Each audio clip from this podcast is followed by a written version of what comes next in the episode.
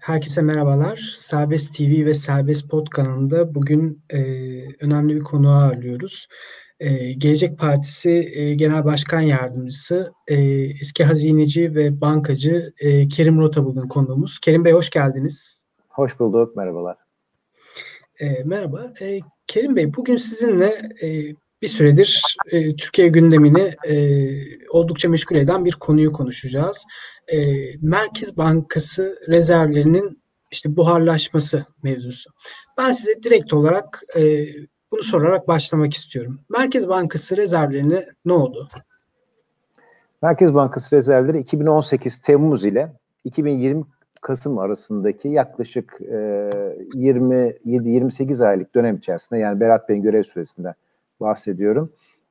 Yaklaşık e, 120 milyar doların üzerinde 120 ile 128 milyar dolar arasında bir rezerv piyasalara satıldı. E, Türk lirasının değerini korumak amacıyla, e, faizleri düşük tutmak amacıyla ve büyümeyi desteklemek amacıyla satıldı. E, ama Merkez Bankası'nda böyle bir rezervi yoktu. E, dolayısıyla Merkez Bankası ekstra borçlandırılarak daha fazla yükümlülük altına girerek elinde olmayan rezervleri de sattı. Biz bunu hazinecilik e, jargonunda açık pozisyona girmektiriz. Bu oldu. Yani bu 128 milyar dolarlık rezerv e, hemen hemen dünyada hiçbir merkez bankasının e, yapmadığı şekilde piyasalara müdahale amacıyla kullanıldı. Evet, e, sizin de dahil olduğunuz e, muhalefet partileri e, Merkez Bankası'nın 128 milyar dolarlık rezervinin işte harcandığını söylüyor sizin az önce belirttiğiniz gibi. E, ama mesela Sabah gazetesinde bazı yazarlar e, bunun böyle olmadığını söylüyor. Maliye Bakanı böyle olmadığını söylüyor. Erdoğan, Cumhurbaşkanı Erdoğan buharlaşmadı diyor. Bunlardan hangisi doğru Kerim Bey? Ya da evet. neden böyle bir e, farklılık var açıklamalarda? Evet bunlardan hiçbiri doğru değil aslında. Yani bu bir yani aklama kampanyasının parçası olarak görmek lazım. Önce e, gazete yazarlarıyla başlayan, e, daha sonra e, kabineye e, deki bazı bakanlara görev tevdi edilip aklama çalışmasına destek istendiği belli. Daha sonrasında Sayın Cumhurbaşkanı topa girdi. E, ama gerçek şu, hani buharlaşma dediğiniz şey nedir? E, bir şeyin işte kaynatılıp e, sıvı halinden gaz haline geçmesidir e, aslında buna benziyor Merkez Bankası rezervlerine olan. Çünkü geri toplamanız neredeyse imkansızdır artık. Bir sıvının gaza e, dönüştükten sonrasında. Çok önemli e, tekniklere ihtiyacınız var bunu geri toplamak için. Aynen bu durum oldu. Yani satılan rezervin geri toplanması çok meşakkatli, zahmetli ve vatandaşa çok fazla yük yükleyecek. Yani e, burada anlamak çok zor oluyor. Tabii açık pozisyon nedir, negatif rezerv nedir, nasıl oluyor? bu anlamak gerçekten zor. Ben bunu biraz da basite indirgerek anlatmaya çalışıyorum. Sizin 2018 Temmuz ayında bankada 100 bin lira paranız vardı. E, bunun 30 bin lirası size aitti. 70 bin lirası ise başka bir bankadan kullandığınız krediydi. Onu da kendi bankanıza havale ettiniz bu kullandığınız kredi ve 100 bin lira hesabınızda para var. E, Berat Bey göreve geldiğinde Merkez Bankası rezervlerinin durumu aynen buydu. 2020 Kasım'dan görevden ayrıldığı gün itibariyle ise sizin hesabınızda 85 bin lira var. Yani 100 bin lira oldu 85 bin lira. Ancak 70 bin lira olan kullandığınız kredi 132 bin liraya çıktı. Dolayısıyla sizin e, hesabınızdaki 85 bin liraya karşı 132 bin lira yükümlülüğünüz var. İşte eksi rezerv bu anlama geliyor aslında. Yani bu aslında aile bütçesinde de karşılaşılabilecek bir durum kendi varlığınızdan daha çok borcunuzun olması e, gibi bir durum. Hani size nasıl hissettiriyorsa vatandaşlara da böyle hissettirmesi gerekir diye düşünüyorum. Ama daha kötüsü harcanan rezervlerin boşa harcanmış olması. Bu anlamda da buharlaşma tanımı bence çok uyuyor. Bu Cumhurbaşkanı Erdoğan'ın e, Merkez Bankası'nın 95 milyar dolarlık rezerv var demesi evet. o zaman bu anlama geliyor. Yani Doğru. E, borçları krediyi evet görmezden gelirsek Evet yani var. şöyle düşünmek lazım. Oradaki tam rakamları da söyleyeyim. Şu anda 95 milyar Hı. dolar rezerv var doğru. Ama Merkez Bankası'nın bugün itibariyle de 140 milyar dolar yükümlülüğü var. E, bu da hala negatif e, 45 milyar dolar 44 milyar dolar civarında bir e, rezervinin o negatif rezervin üstünde olduğunu oturuyor. Bu yükümlülüğün de kırılımları var. Yani bu 140 milyar dolar kime borçlusunuz? 70 milyar dolar yani bunun yarısı Türkiye'deki bankaların tuttuğu zorunlu karşılıklar. Bunlar bankaların parası emaneten Merkez Bankası'na verilmiş ama yasal bir zorunluluk olduğu için Merkez Bankası bunları yarın iade etmek zorunda değil. 40 milyar dolar bunun dışında 40 milyar dolarda bir bankalardan swap'la borçlanılmış para var. Swap işlemleriyle. Bunların vadesi var. Ve bunların vadeleri oldukça kısa. Bir hafta, iki hafta, bir ay gibi vadeler. Vadesi geldiğinde bankalar bu parayı talep edebilirler bu kısa vadede. Bir 16 16 milyar dolar e, piyasalarda da çok e, konuşuldu. Çin ve Katar'dan borçlanılan, swap'la borçlanılan paralar var. E, bu da or, genelde bir yıl yapılır bu işlemler. E, ikili ilişkilerini sürdüğü sürece sorun çıkmaz. E, bir sıkıntı çıktığında sorun çıkar. E, bunun dışında da bir 15 milyar dolar da Türkiye hazinesinin Merkez Bankası'na emanet ettiği para var. Topladığınızda 140 milyar dolar ediyor. Yani bunun da önemli kısmı, yarısı hemen hemen e, böyle bir ay içerisinde birilerinin e, paramı geri ver diyebileceği paralar. İşte 95 milyar dolarınız var ama 140 milyar dolar da borcunuz var. E, gelişen ülkeler, Türkiye gibi gelişen ülkeler net yani rezerv tutmak zorundalar. E, ödemeler dengesi krizlerine karşı mücadele edebilmek için rezervlerini güçlü tutmak zorundalar. Türkiye maalesef gelişen ülkeler e, ligi içerisinde en düşük rezerv olan ülke. Daha önce de böyleydi ama Berat Bey'in döneminde negatif rezerve dönerek de kendi alanında bir rekor kırmış oldu.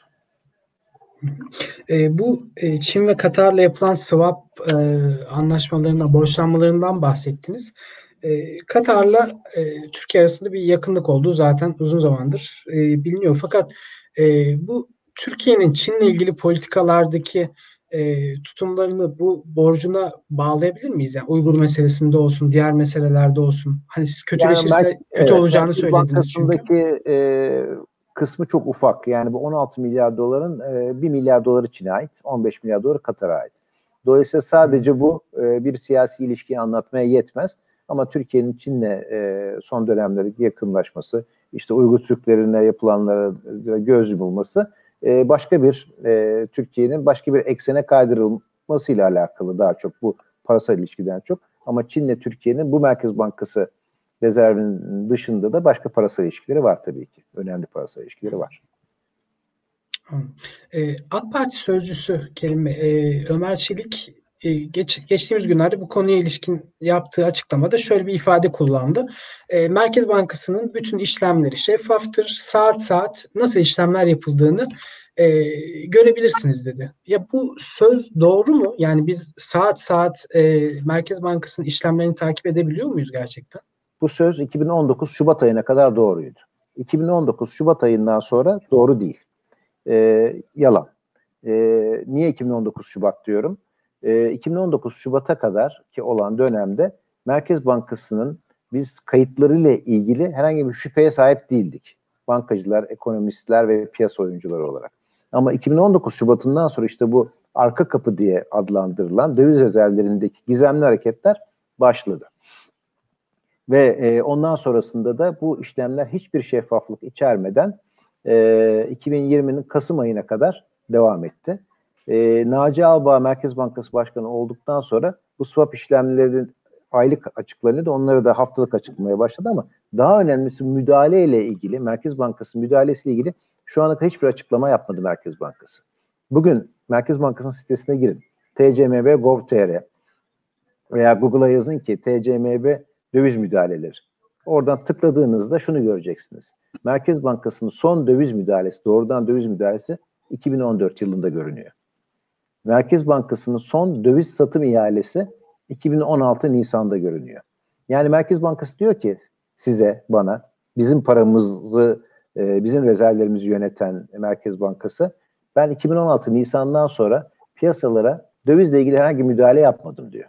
Oysa daha dün devletin en tepesinde Cumhurbaşkanı bu dövizin müdahale planlı kontrollü şekilde yapıldığını açıkladı değil mi? Yani dolayısıyla Ömer Çelik'in söylediklerinin hiçbir bazı yok. e, bence eline verilen metni okumuş. Ama TCM ve Gov.tr sitesine girdiğinizde bunun böyle olmadığını ve bu işlemlerin şeffaf bir şekilde yapılmadığını, arka kapıdan gizli kapaklı bir şekilde yapılmadığını herkes görebilir. Evet, e, Cumhurbaşkanı Erdoğan'ın e, kontrollü bir şekilde yapıldığını e, belirttiğini söylediniz. E, yine Cumhurbaşkanı şöyle bir açıklama da yaptı. Biz e, bu e, pandemi e, gerekçesiyle e, bu işlemi yaptık. Pandemi gerekçesiyle bir kısmını harcadık gibi bir açıklaması da oldu. Evet. E, bu pandemi gerekçesiyle e, harcadık e, açıklamasını siz nasıl değerlendiriyorsunuz? Çünkü e, CHP lideri dün e, mecliste konuştu grup toplantısında. Dedi ki hani pandemi gerekçesiyle hazırla e, harcadıysanız bunu nereye harcadınız? Yani çiftçiye harcamadıysanız, esnaf harcamadıysanız, evet. e, işçiye harcamadıysanız diye. E, siz bu konuda ne düşünüyorsunuz? Yani pandemi gerekçesiyle harcanmadı şuradan belli. 2019 Şubat ayında başladı bu satışlar. Pandemi ile Türkiye'nin tanışması 2020'nin e, Mart'ıydı hatırladığım kadarıyla. Dolayısıyla ondan bir sene önce başladı ve e, bu 128 milyar doların yaklaşık 40 milyar dolarlık kısmı daha pandemi Türkiye'ye uğramadan yapılmıştı zaten. E, daha da yapacaklar da pandeminin etkileriyle beraber bu satışları daha da hızlandırdılar. E, ama dünyada pandemi sebebiyle rezerv kaybeden başka ülkede yok. Dolayısıyla bunun da hiçbir bazı yok bu açıklamanın. Yani dünyada e, rezerv pozisyonlarına baktığınızda işte bize en benzeyen ülkeler kimlerdir? Brezilya, Güney Afrika, Rusya gibi ülkelerde herhangi bir döviz rezervi kaybı olmadı. Onlar bütçelerini açtılar. Bütçelerinden bir para dağıttılar veya işsizlik fonlarından Türkiye'nin yaptığı gibi. Ama hiçbir rezerv e, satarak e, piyasaları baskılamayı düşünmedi. E, bunun içindir ki Türkiye zaten e, pandemi döneminde e, kendine benzer ülkeler arasında en çok halkına kredi veren ama en az doğrudan yardım yapan ülke oldu. Yani niye böyle oldu? Çünkü daha pandemiden önce Türkiye'nin kaynakları çarçur edilmişti. Savrulmuştu, buharlaşmıştı diyeyim. Çünkü e, bu terimi kullanmayı da seviyorum. E, çünkü bu iyi bir e, tepki alıyor buharlaşma terimi. E, nasıl e, ihtiyat akçesi pandemiden önce çekildiyse Merkez Bankası rezervlerindeki gedik de e, pandemiden çok önce başlamıştı ve 40 milyar dolara yakın bir satış öncesinde yapılmıştı. Evet. E, Berat Albayrak dönemiyle ilgili e, bir soru sormak istiyorum ben size. E, Berat Albayrak eski Hazine ve Maliye Bakanı, aynı zamanda Cumhurbaşkanı Erdoğan'ın damadı. E, görevden e, tırnak içerisinde affını e, istedikten sonra iktidar çevrelerinde kendisiyle ilgili neredeyse hiçbir açıklama yapılmadı. E, hatta 104 gündür e, kendisinden e, bu konular gündeme gelene kadar herhangi bir haber dahi alınamadı.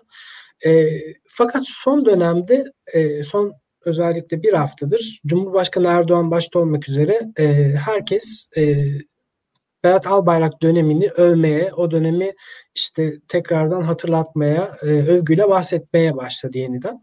E, siz bunu e, neye yoruyorsunuz? Acaba neden böyle bir değişme yaşandı? Çünkü e, şundan dolayı soruyorum Kerim Bey. E, bu değişiklikten sonra yeni Merkez Bankası Başkanı Naci Abal ve Lütfü Elvan'ın işte Hazine ve Maliye Bakanı olmasından sonra yeni yönetimden övgü dolu sözlerle bahsedilmişti iktidar çevrelerinde ve e, muhalefetten de e, bu isimlerin icraatları olumlu tepkiler almıştı. Neden şimdi yeniden bir Berat Albayrak övgüsü başladı? E, yani muhtemelen bir iç meseleleri var. E, onu bizim bilmemiz mümkün değil. Bir iç mesele var.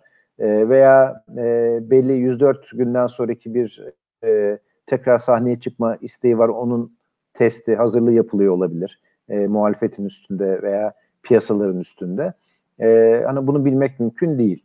E, parti içi meselesi çok önemli değil. Yani o bizleri de çok ilgilendirmez. Ama devlet içi bir mesele ise yani tekrar bir devlet pozisyonuna, hükümet pozisyonuna e, görevlendirme gibi bir şey düşünülüyorsa e, tabii ki buna sonuna kadar karşı çıkacağız. Çünkü daha önceki bilanço ortada. E, daha önceki yaşananlar ortada ve Türkiye'nin kaybettiği yıllar ve Türkiye'nin e, başına gelen fakirleşme ortada. E, o yüzden umarız bu bir plan yapılıyorsa bile devlet görevlendirmesiyle ilgili bir plan yapılmıyordur diye ümit edelim. Bu bilanço hakkında bu bilançoyu biraz açabilir miyiz peki? Yani evet. Albayrak, Berat Albayrak'ın Türkiye ekonomisine maliyeti ne oldu görev yaptığı sürede? E, Berat Albayrak açık ara e, Türkiye'nin en başarısız Hazine ve Maliye Bakanı'dır. Yani açık ara derken e, 2001 krizinin de 94 krizinin de bunun içine dahil ediyorum. Ben şimdi bazı rakamlarla e, bu savımı e, altını biraz doldurmaya çalışacağım.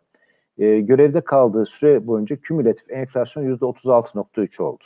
Yani yıllık ortalaması %14.2 oldu. %14.2'lik bir e, enflasyon, görev süresi boyunca yıllık enflasyon e, AK Parti'nin bakanları içerisindeki en yüksek enflasyon oranı. E, %36'lık bir kümüle enflasyon ki çok yüksek yıllık %5 hedefiyle yola çıkıyorsunuz. 2,5 senede %36 oluyor. %36'lık bir enflasyona karşı görevi bıraktığı gün itibariyle Türk lirası e, %87 değer kaybetmişti veya Türk lirası değer kaybetmişti demeyeyim de dolar Türk lirasına karşı %87 de değer kazanmıştı.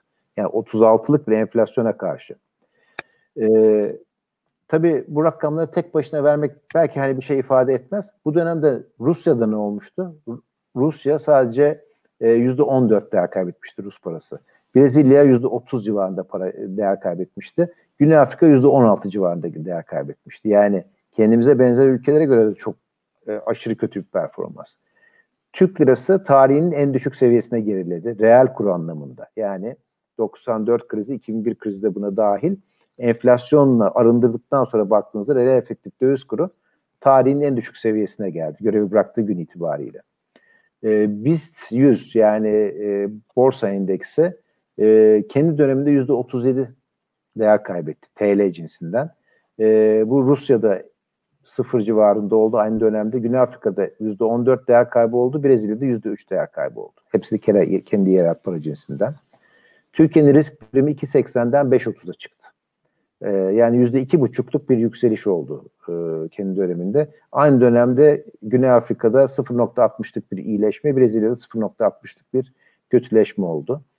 Ee, böyle Türkiye'nin borç stoğu e, 970 milyar liradan 1.8 trilyon liraya çıktı. Yani iki buçuk senede Türkiye Cumhuriyet tarihi boyunca yaptığı borç stoğunu ikiye katladı. E, ilk günah diye bizlerin adlandırdığı e, uzun yıllar önce bırakılan, 7-8 sene önce bırakılan yurt içinden döviz borçlanmayı başlattı ve bu iç borçlanmanın %25'ine ulaştı. Sadece bir buçuk sene içerisinde. E, performans tanımı diye adlandırdığımız bütçeden tek seferlik gelirleri çıkardıktan sonra e, ki açık yüzde 2'den yüzde 5'e çıktı. Yani bütçe iyice e, açıldı. İşsizlik yüzde 11'den yüzde 13'e çıktı ama geniş tanımlı işsizlik yüzde 30'lara geldi. E, 2017 sonunda 10.800 dolar civarında olan milli gelir 2020 sonunda muhtemelen 8.200-8.300 dolara gelecek. Bu e, yüzde 25-28'e yakın bir düşüş olacak bu da dünyada gelişen ülkeler arasında en büyük Arjantin'le beraber en büyük kayıp olacak. Şimdi bu tabloya bakınca bu ortada bir hani bırakın başarıyı e, çok ciddi bir sorun var ve bunların üstüne de Merkez Bankası rezervlerinden e, artı 32 milyar dolardan net rezervlerin eksi 47 milyar dolara taşınması gibi de bir e, şeffaf olmayan bir facia bir e, uygulama da var.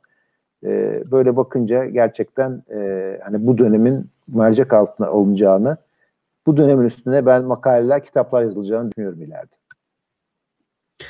Kerim Bey, e, çizdiğiniz, yani bahsettiğiniz tablo gerçekten e, korkunç bir tablo açıkçası.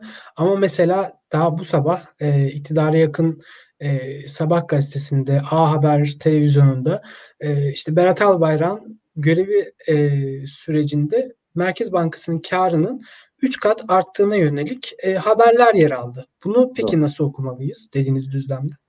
Ee, yani Merkez Bankası'nın vergi rekortmeni e, olduğu e, yıl 2001'de. E, daha sonra 2018, 2019 ve muhtemelen 2020'de öyle olacak. Merkez Bankası karı e, ekonominin çok kötü gittiği, e, ekonomik aktivitenin yavaşladığı ve kurlarda e, çok büyük e, değer kayıplarının olduğu senelerde artar. Yani bu çok e, reel bir sonuç. E, Merkez Bankası'nın karı halkın kay, e, kaybıdır genellikle. Yani halk, halkın kaybettiği parayı kazanır. Niye? Çünkü işte Merkez Bankası Berat Bey'e kadar olan dönemde e, rezerv tutar. yani e, tampon oluşturması için bu rezervler değer kazanır ve bu, bu rezervleri eğer piyasada alım satıma tabi tutarsanız kar elde edersiniz. İşte aynen Berat Bey'in yaptığı da bu karları realize edilip Merkez Bankası karlarının hazineye geri çekilmesi oldu. Ama işin e, trajikomik tarafı bundan sonra Türk lirası değer kaybederse artık Merkez Bankası o karı edemeyecek. Çünkü Merkez Bankası artık eksi, negatif rezerve geçtiği için bundan sonra Türk lirasının değer kayıplarından Merkez Bankası da para kaybedecek. Yani siz, ben para kaybederken yani vatandaşlar para kaybederken eskiden Merkez Bankası para kazanıyordu ve bir dengeleyici unsur oluyordu. Buna da e, karşıt döngüsel denir genellikle. E, counter cyclical. E, o görevi de göremeyecek Merkez Bankası. Berat Bey'in harcadığı rezervler yüzünden bundan sonrasında. E, o yüzden Merkez Bankası'nın e, karıyla övünmek e, bence tarihsizlik. Yani aslında övünülecek değil. e, tam tersi bir durum söz konusu evet. anladığım kadarıyla. Peki e, Kerim Bey e, çok teşekkür ederiz vakit ayırdığınız için. E, ben. Bu konularda bizlere yardımcı olduğunuz için açıklamalarınızla. E, bugün konuğumuz Gelecek Partisi e, ekonomiden sorumlu, ekonomi politikalarından sorumlu e, Genel Başkan Yardımcısı e, Kerim Rotay'dı. E, kendisiyle Merkez Bankası'nın rezervlerinde ne olduğunu konuştuk. Bu soruya cevap aradık. E, bir başka yayında görüşmek üzere. İyi günler.